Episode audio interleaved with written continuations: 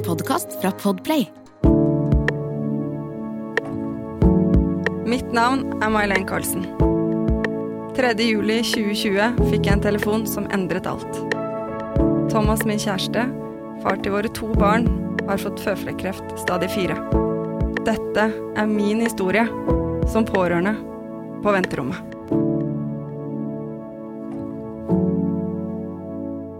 Da er det en ny uke og nye muligheter, May-Len. Det er det, Camilla. Ja. Ja. Og da er det jo litt ålreit å starte, da. Hva har skjedd siden sist? Jo, nå har det jo vært halloween, da, og bursdag. Overlevde du helgen Jeg fra overlevde. F? Ja, jeg gjorde det, men det var jo en eh, hektisk helg med nattevakt eh, og jobbing på den andre jobben. Pluss da bursdag som skulle planlegges. Jeg skulle ha Mm. familiebursdag klokken ett, så jeg kunne jo egentlig ikke sove etter nattevakt. Nei. Så det var hektisk. Det gikk ei kule varmt et par ganger, men eh, vi kom oss igjennom. mm. Takket være at vi kommuniserte bra, og hjelp fra familie og lignende. Så gikk det greit, altså. Ja, men det er bra. Ja, så det ordna seg. Jeg fikk jo en sønn som kom til meg, og han bare 'Mamma, det er veldig urettferdig'. Og så sier jeg 'Hva er det som er urettferdig?' 'Du har hatt mange flere halloweener enn meg'. og så er jeg sånn eh, 'Nei, gutten min, fordi halloween var ikke når jeg var liten'. Nei. Og da kjente jeg på 'Oi, jeg har blitt voksen'. Ja. Eller gammel. ja. Men det er jo ikke lov å si, i hvert fall ikke sånn som ting er i dag. Fordi i dag så har vi en gjest! Ja, det er det veldig gøy! Det er jo da første gang vi har en gjest i vår podkast. Ja. Og, og det er jo eh, trist og gøy på en gang at vi ikke trenger å gå så langt for å finne en pårørende til. Mm. Eh, og det er jo Vi er jo utrolig glade for og takknemlige for at min mamma Jorunn Hellum kommer og gjester podkasten vår, også da tante Jorunn. Du har jo flere roller i dette bildet. Dette rommet, Ja. Så da kan du si hei til alle sammen, mamma. Hei, alle sammen. Hei, tante. Ja, det er så koselig at du er her. Ja, det er jo litt rar setting, da. Ja. Du ser helt vant til det her, den settingen her. Nei, ikke akkurat det jeg pleier, nei. Nei. Men du ser veldig proff ut da med øreklokker og mikrofon og Ja, dette kler deg godt. Det er veldig, veldig bra. Ukentlig innslag Ja. fra tante Jorunn der, altså. Det er veldig, veldig sprekt. Ja. Og det er veldig hyggelig, mamma. Og jeg tenker jo at eh, vi er jo, som vi har snakket om tidligere, en familie som eh, ønsker å snakke om alt, både det gode og det vanskelige. Og prøver etter beste evne. Så er det ikke alltid vi, vi får til det, vi heller. Men jeg tror at det er viktig i hvert fall å prøve. Og når vi spurte deg om du hadde lyst til å komme, så var det også fordi May-Helen er jo ung pårørende med små barn. Og en mann som er ung. Og nå i fare for å si noe feil, mm. ja, eh, så har vi da deg, mamma, som er en voksen dame med voksne barn og en voksen mann som er eh, alvorlig kreftsyk.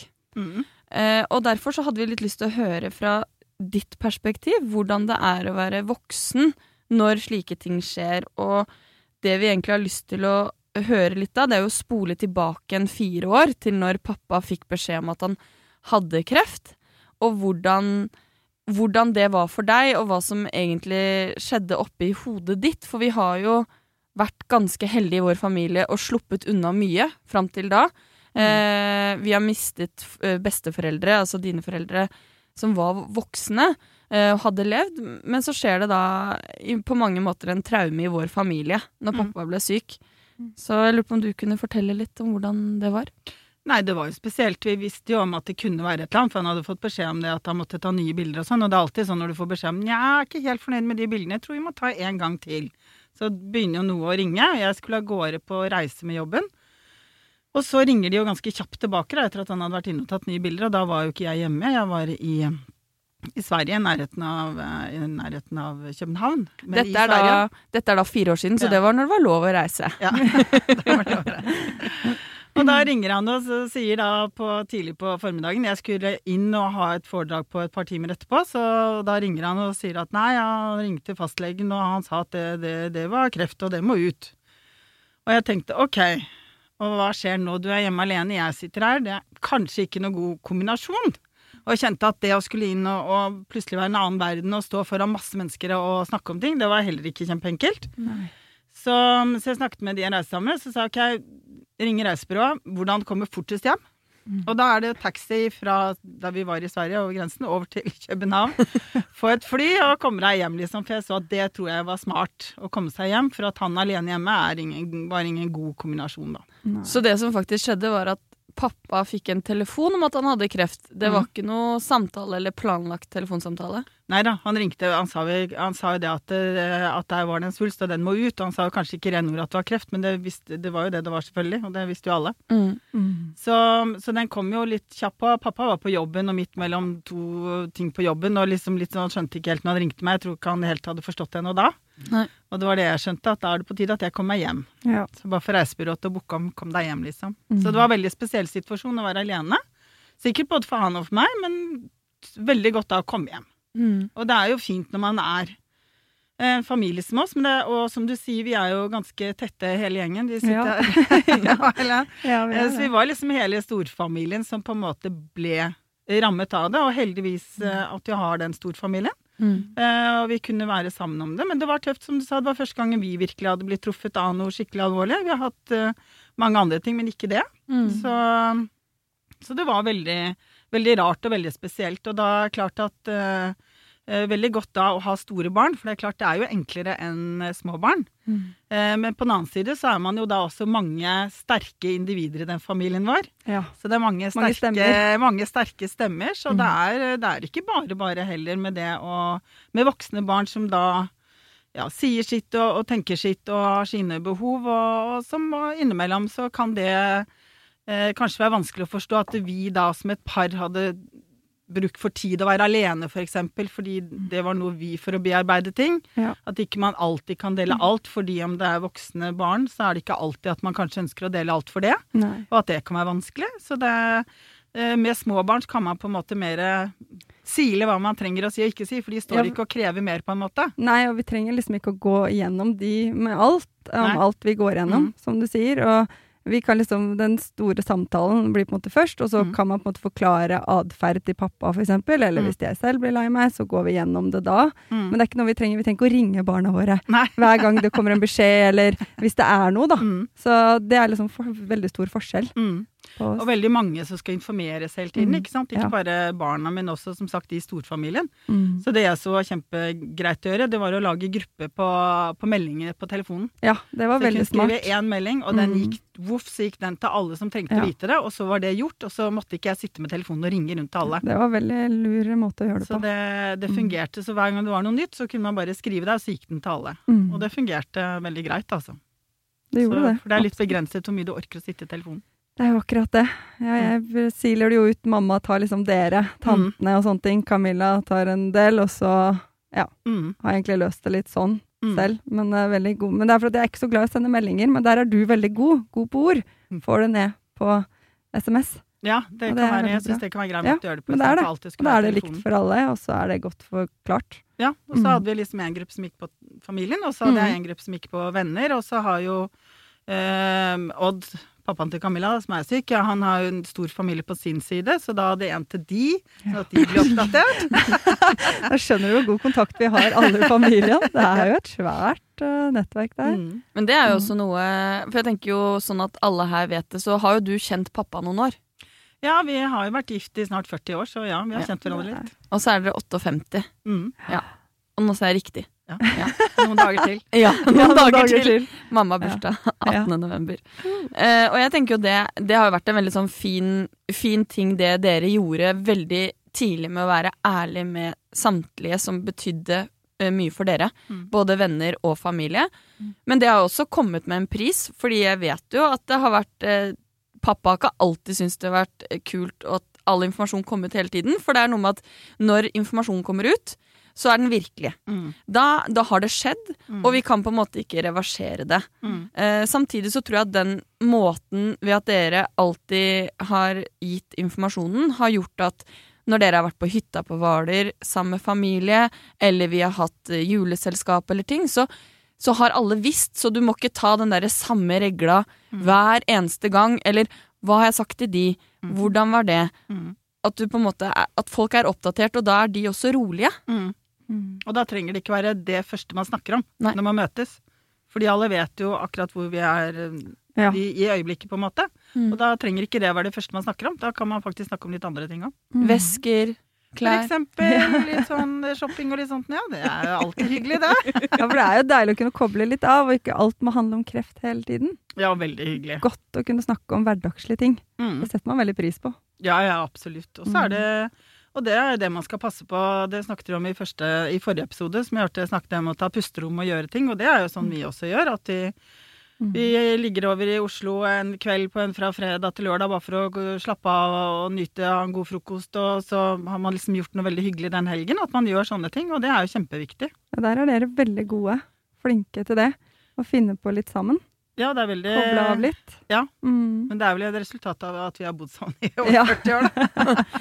Ja, men er det sånn at tror du dere hadde vært like flinke i dag på de tingene hvis ikke pappa hadde fått kreft? Altså, det er jo vanskelig å si, men Det er veldig vanskelig å si, men det er klart man ser vel ting litt mer i perspektiv når ting skjer, og plutselig så, så ser man det at uh, livet er skjørt. At det er en sånn knivegg som man balanserer på, og at eh, ingen som vet noen ting hva morgendagen bringer, og at man kanskje kan bli litt flinkere til å være i nuet istedenfor å hele tiden tenke på hva vi skal gjøre neste sommer, eller ja, for vår del når vi går med pensjon, eller noe sånt. Du, du vet jo aldri, så grip litt tak i det som er her og nå. Eh, og at det er um, Ja, det er viktig å gjøre, og det er jo viktig for alle. Men det er klart, når du får sånne ting, og også særlig nå når, eh, når det kom tilbakefall, sant, så blir man jo enda mer påminnet på, for da hadde man på en måte slått seg litt til ro med ting. Og så, ops, oi, det var ikke sånn det skulle være allikevel, nei. Så det, det kommer tilbake, og da må du begynne å og, og da står man på en måte ved start igjen. Og da får man uh, igjen en påminnelse om hvor skjørt det er, og at uh, man må ta vare på det man har.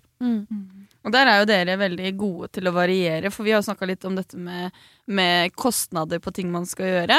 Eh, Du jobber jo i hotellbransjen i Thon hotell, og, og dere kan kose dere med den nydeligste frokostene der.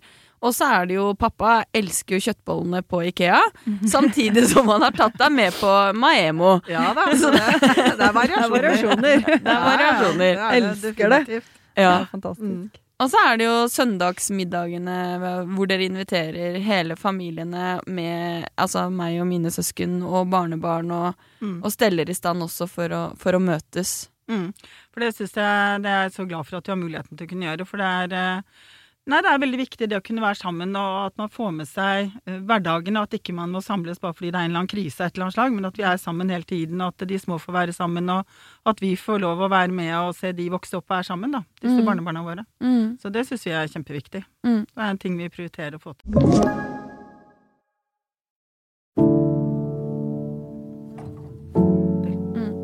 Og det har jo vært viktig alltid siden dere fikk eh, det første barnebarnet, som jeg ga dere. Mm. Eh, så har, har jo det alltid, alltid vært viktig. Og, men jeg tror jo også Det har jo pappa sagt mange ganger også, at um, han bare fatter ikke hvordan uh, kreftsyke klarer å gjøre det aleine. Mm. Fordi at, eh, som han har sagt, med sykdommen kanskje tidvis føler han seg aleine med å ha den. Mm. Men han er så takknemlig for alle rundt, fordi han skjønner ikke hvordan det hadde gått hvis ikke. Mm. Og, og, og er veldig takknemlig for det, men samtidig er det vanskelig dette å møte barna. Man kan bli lei seg, man får mange tanker som vi ikke rår over. da. Mm. Og, og da er vi jo også litt inne på dette med å være pårørende til en voksen mann som blir alvorlig syk, som aldri har vært hos fastlegen omtrent før. Han visste jo ikke hvem fastlegen sin var. Mm. Og, og så kommer da dette tilbakefallet, og det er pandemi. Mm. Og det er sånn at det blir en del restriksjoner også på sykehuset. Hvordan, hvordan var det for, for deg og pappa? Nei, jeg syns det, det er vanskelig fordi eh, det er jo to ting. Både når du er eh, syk og har en alvorlig diagnose som det, som det Odd fikk, med kreft, og at du er mann. Det gjør jo at det med informasjon, og det å få med seg informasjon på eh, når det skjer ting og det er samtaler, og det, akkurat samtalen med legen på resultatet, så fikk jo lov å være med inn. Eh, Men, eh, men når han skulle f.eks. ha første immunterapien, og som vi ikke vi kjente til, vi visste ikke hva det var, hvordan virker det, og så tenkte jeg skal han inn alene og få den informasjonen, så kan det hende at jeg ikke får med alt. Mm. Så da greide jeg å få sneket meg inn, så jeg var med likevel. For plutselig så satt jeg på venterommet, og da fikk jeg lov å være med inn. Eh, Men, og det var veldig fint, for det var masse viktig informasjon. Fordi eh, immunterapi har, det kan ha mange bivirkninger. Altså Får du over 38,1 i feber, da må du inn på sykehuset på legevakten, eller på akuttmottaket skal du, ikke legevakten, og du må fortelle hva du går på. Altså Det er masse sånne viktige ting, og det er jo uhyre viktig at man får med seg, da. Og da er det det at ikke det skulle være to stykker da, og det gjelder egentlig uavhengig. Når du er, sitter i en sånn situasjon, så skal man ikke være alene. Nei, man skal ikke. Eh, og jeg, da blir jeg også litt sånn provosert. Jeg skjønner jo at det er pandemi, at vi skal passe på, men vi bor tross alt omtrent 24-7 sammen. Ja. Så om det er så stor forskjell på at han kommer alene eller om jeg er med, det ser jeg jo ikke helt. Selv om jeg skjønner jo at det går på at de skulle ha færre på sykehuset og alt dette her, da. Men, men noen ganger så må man se litt gjennom fingrene, for sånne ting er viktig. Mm. Informasjon er viktig, og det informasjon gir trygghet. Og når da han da kanskje ikke hadde fått med alt, da, og så sitter jeg, og så blir jeg utrygg, for jeg vet det ikke. Og det er ikke noe god situasjon. Nei, jeg kjenner til den situasjonen der. Mm. Mm. Så det... det er viktig at man er to. Ja. Eh, og det er jo mannfolk også generelt. Det er kanskje litt dårligere til å ta til seg informasjon også. Ja. I hvert fall erfaring jeg har. Ja da, Sikkert det- du òg. Ja. Så, men jeg var ikke med Thomas når han fikk første immunterapien sin. Han fikk med seg et sånt lite hefte hjem der det sto Mm. informasjon. Mm. Men det resulterte i at et par ganger så ringte vi jo legevakta, for jeg var redd for at det var bivirkninger av immunterapien. Og jeg hadde jo ikke da fått den ordentlige informasjonen, og Thomas Mm. var usikker selv. Mm. Så jeg tror at kanskje ved å ha vært der med han og Mm. fått den informasjonen, så kanskje jeg hadde vært litt tryggere uh, på eventuelle bivirkninger. At nei, dette er ikke immunterapien, eller Mm. ja, det er lurt at man føler seg litt tryggere, da. Ja, Ikke Mm. sant? Det er det jeg mener. Den på tryggheten. den. Mm. Så jeg tror det er, det er veldig viktig at når, i en sånn situasjon så bør man være to stykker. Helt klart, og det tenker jeg man kan lære av til neste gang. Altså sånn at i enkelte tilfeller som sier 'se gjennom fingrene', Mm. og vi er i samme husstand. Mm. Har du korona, så har jeg korona. Jeg Mm. skjønner at jo flere, jo verre er det, men det er liksom I enkelte situasjoner så er det så viktig, da. Vi må ikke glemme psykisk eh, syke. Altså det Mm. å bli psykisk syk av en alvorlig sykdom. Og, og det hvor vanskelig det er psykisk å bære en alvorlig sykdom. Og, og det å få én informasjon kan man henge seg opp, og så glemmer man litt alt det andre. Mm. Og det er jo derfor vi har snakket om dette med lage lister, gjøre ting. Fordi eh, jeg tipper at skal du inn og få immunterapi for første gang, så tenker man jo på nåla man skal få inn i armen. Mm. Man skal se at de kobler noe opp i taket. Altså For en, en som aldri har vært syk, så er bare det overveldende. Ja, ja, Og jeg tror det er viktig å tenke på til en annen gang også, fordi kriser vil skje i verden igjen. Mm. Eh, korona er én ting, det vil helt sikkert komme noe mer. Mm. Er det da riktig å kanskje Skal helsevesenet på den måten Skal man gjøre det sånn? Så jeg tenker det er viktig å, å ta med seg den erfaringen, fordi blir det egentlig til syvende og sist bare mer jobb, da? Fordi dere ringte legevakta litt hyppigere. Man har mer urolige pårørende som kan gjøre at man kanskje ikke orker å gå på jobb. ikke sant? Det er, det er mange faktorer i dette hele bildet som man skal prøve å møte. og og jeg vet jo eh, dere, May-Len, har jo hatt fast lege hver gang dere har vært inne til samtale. Ja. Mens pappa har jo hatt mange forskjellige. Mm. Og det, det også jo, gjør jo noe med trygghet og det at man ønsker kanskje å være der i større grad. Ja, absolutt. Fordi selv om Altså, de har ofte forskjellige måter å uttrykke seg på, leger. Med hvordan de De får jo De som har analysert bildene, de analyserer det jo. Og det er jo det legen leser, på en måte. Men det er jo forskjellige måter å lese det på. Ja. Og da blir det veldig forskjellig informasjon man egentlig kan få. Og så er man kanskje hos legen og får svar på bildene. Jo, det er sånn og sånn, og det ser sånn og sånn ut. Eh, og så i vårt tilfelle så har det jo vært litt eh, humper i veien med at de ikke tåler immunterapien så godt og må ha andre medisiner, mye blodprøver. Og når du da snakker med en annen lege enn der, ja, for de så jo på bildene sånn og sånn. Eh, ok, men vi hørte jo for 14 dager siden at bildene så sånn ut, og så sier de noe annet. Så det, eh, så det kan bli litt sånn Men det, bildene er jo akkurat samme, det er bare måten de formulerer det de sier på. Skape litt forvirring, Ja, kan det gjøre. så vi har egentlig sluttet å, å liksom sånn centimeter, millimeter hit eller dit, eller Mm. antallet, sånn har vi egentlig sett litt sånn bort ifra. Så lenge de sier at ting ser bra ut, Mm. at vi er fornøyd med bildene, så ok, da er vi fornøyd med det nå, da. For det, den måten de teller på og måler på, den har vi gitt litt opp, da. Det er jo erfaringer som gjør ikke sant, at dere har nå fått den erfaringen. Og så må man på en måte lage seg sin hverdag, da. Ikke sant? Hvordan skal vi håndtere disse samtalene? Når de er så forskjellige, men samtidig summa summarum så er egentlig resultatet det samme. Ja. Hvordan kan vi akseptere hva de sier? Ok, vi gjør det på den måten. Mm. De er fornøyd, ja, da er vi fornøyd. Veldig greit. Ja, og da er, jo, og da er pappa fornøyd, og, og han har jo, som du sa, mamma, han har jo fått, eh, fått litt humper og dumper eh, på immunterapien, som gjorde at han ringte Fordi han er jo fin, han vil jo forklare. Så han ringte. 'Jeg må nå starte med en penicillinkur'. Og ja, du skjønner, det har skjedd noe med, med, blodprøvene. Men det var jo da Så er mamma ved siden av. Det er en prednisolonkur! og det er jo Det er mange fremmedord. Det er masse man skal holde tak i. Og vi snakket litt om det her når, når dere kom inn. Og da var jeg sånn stopp, stopp, dette må vi ha med. Fordi dere to er nærmeste pårørende. Det vil si at det er dere to som står i bresjen. Eh, og da syns jeg mamma du har egentlig hadde noe fint å si Altså, det er jo ikke fint, men det er litt sånn virkeligheten er, da, som nærmeste pårørende. Jeg tror ofte, som, som den aller nærmeste pårørende, da, som ikke er barn eller sånt noe, så, så er det ofte at um, Eller det jeg føler ofte, er jo at egentlig vi har ikke en stemme. For vi har egentlig ikke lov å komme med på en måte eller Jeg føler at det ikke er lov å komme med bekymring eller at man er engstelig eller noe sånt. Fordi nei, nei, nå må du se lys på det, og nå må du tenke å dette er positivt, og dette går bra. Du så jo hvor fint det var. Og ja, man ser jo alt det der, og er jo helt enig i det at ting er kjempebra, og andre kan Men det er jo noe med at man noen ganger kunne få lov til å ha uttrykk for et eller annet, men jeg mm. føler at man ofte ikke At vi som nærmeste pårørende ikke egentlig har lov å ha en stemme. Mm. Og det er litt sånn, ja, litt sånn rart å oppleve. For det er, det, det er, jo positivt ment fra de rundt, at man skal peppe deg opp og sånne ting. Men noen ganger så kunne det vært greit at man fikk lov til å, å gi uttrykk for hvordan man egentlig innimellom kjenner det, da. Absolutt. For det er jo ikke så A4.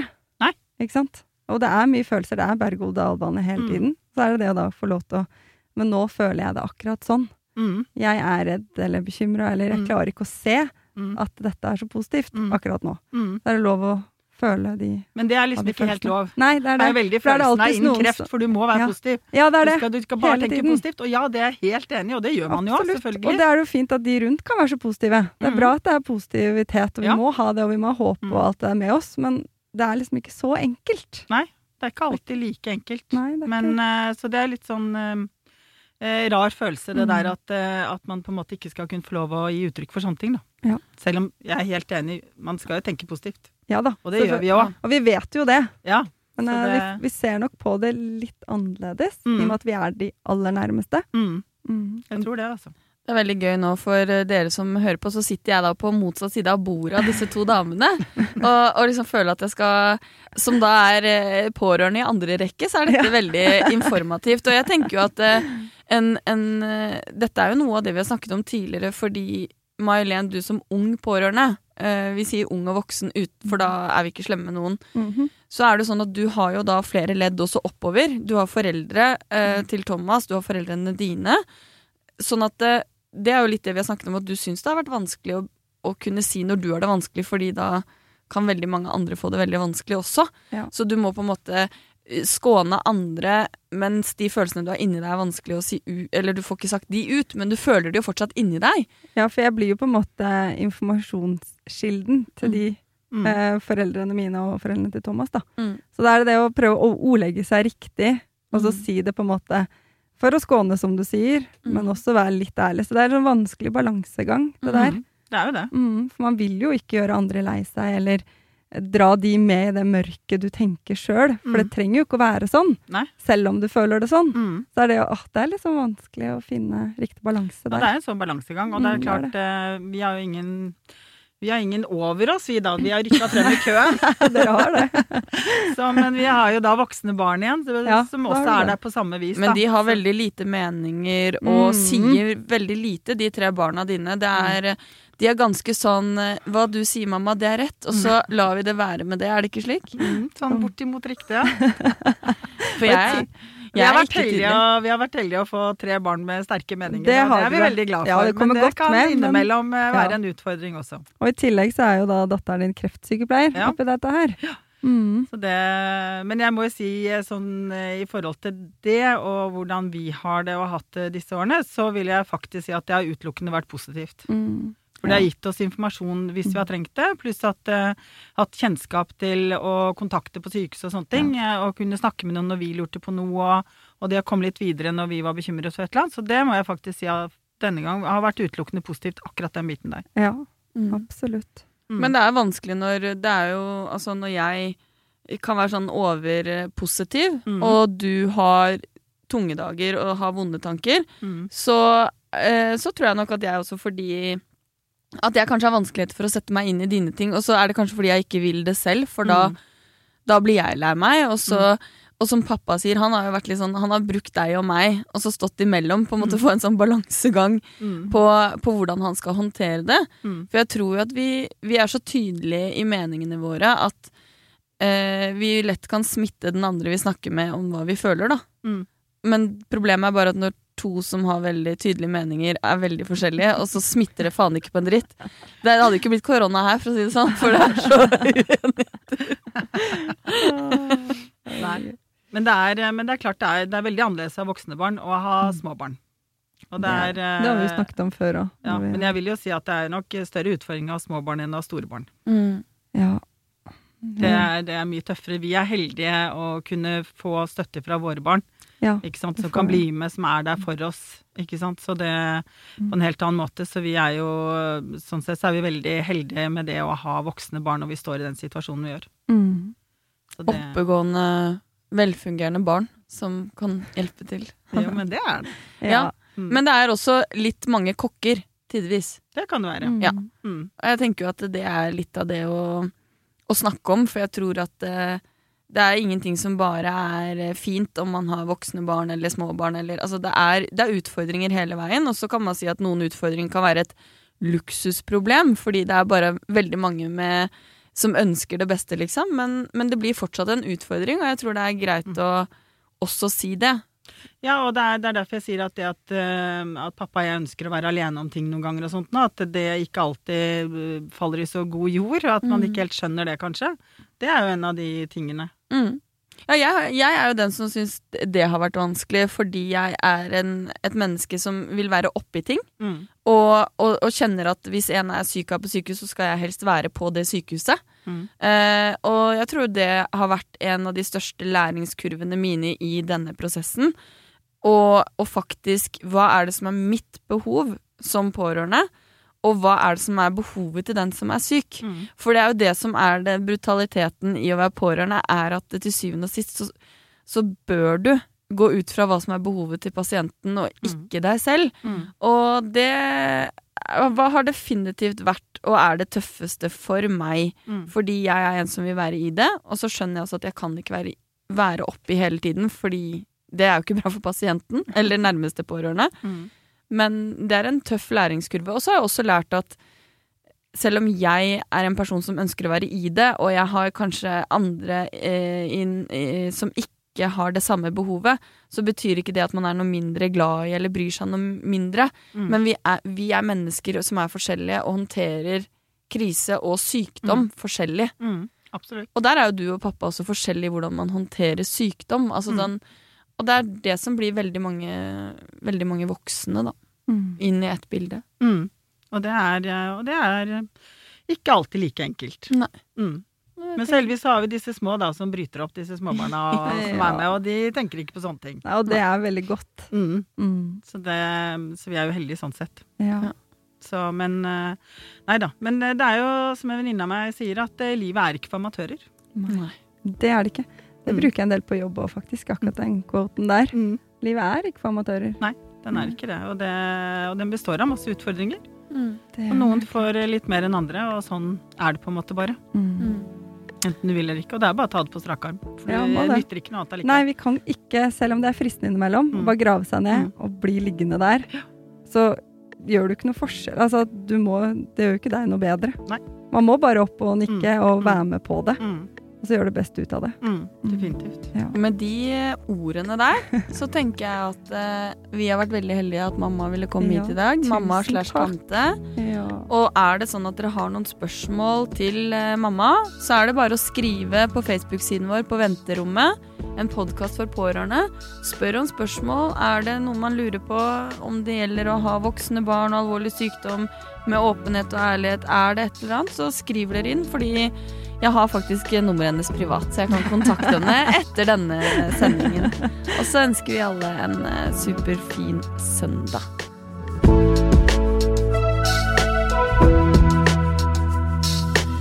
Du har hørt en podkast fra Podplay.